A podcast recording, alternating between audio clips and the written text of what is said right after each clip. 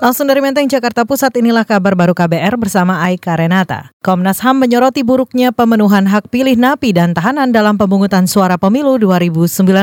Anggota Komnas HAM Sandraya Timoniaga menyatakan pihaknya menemukan ada ribuan napi dan tahanan yang tidak bisa memilih karena kehabisan surat suara ataupun tidak memiliki KTP. Kata dia, masalah ini harusnya ditangani tidak hanya oleh KPU tetapi juga Kementerian Dalam Negeri dan Kementerian Hukum dan HAM. Gap antara jumlah warga binaan dengan kertas surat suara yang ada. Nah, temuan kami juga menunjukkan persoalannya tidak sekedar pada penyelenggara pemilu, tapi juga pada administrasi di rutan dan lapas sendiri.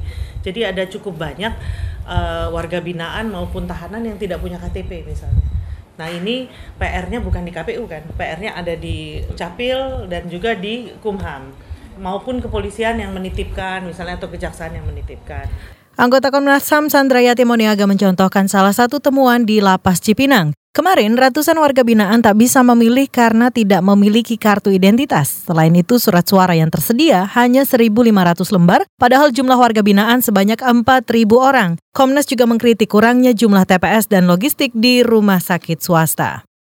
Kita beralih sementara itu penyelenggaraan pemilu 2019 juga mendapat kritikan dari Koalisi Masyarakat Sipil. Anggota koalisi dari Komite Pemilih Indonesia, Jerry Sumampo, menyatakan pelaksanaan pemungutan suara berjalan semrawut. Hal ini terlihat dari banyaknya warga yang tidak bisa memilih karena terkendala administrasi. Selain itu, di berbagai tempat terjadi keterlambatan atau kekurangan logistik. Koalisi berencana melaporkan sejumlah temuan ke Bawaslu besok. Kemarin kita sepakati juga jauh lebih parah dari apa yang terjadi sebelumnya. Kan sulit membayangkan logistik tidak tiba di Bekasi gitu. Kalau dulu kasusnya Puncak Jaya apa gitu ya, itu orang masih bisa paham secara geografis. Kalau Bekasi itu bagaimana rasionalisasinya? Dan yang parah yang tadi Yus bilang, tidak ada penjelasan apa pun satupun dari KPU soal kesemerawutan ini khususnya logistik. Nggak ada. Koordinator Komite Pemilih Indonesia Jerry Sumampo menambahkan kesuksesan pemilu lantaran tingginya animo masyarakat untuk mencoblos. Namun KPU gagal memfasilitasi antusiasme warga ini.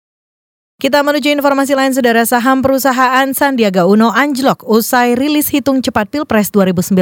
Selengkapnya bersama reporter KBR Reski Novianto. Saudara, hasil hitung cepat Pilpres 2019 yang memenangkan pasangan Joko Widodo Ma'ruf Amin memengaruhi pergerakan saham PT Saratoga Investama Sedaya milik cawapres Sandiaga Uno. Harga saham Saratoga melorot 1,56 persen di level Rp3.780 per saham pada penutupan perdagangan sore ini. Pagi tadi, nilai saham Saratoga malah sempat anjlok 8,59 persen ke level 3.510 per saham. Kondisi ini berbanding terbalik dengan indeks harga saham gabungan atau IHSG yang bergerak positif. Sandiaga diketahui sudah beberapa kali menjual kepemilikan sahamnya di Saratoga untuk membiayai dana kampanye. Dari Bursa Efek Indonesia, Reski Novianto, KBR.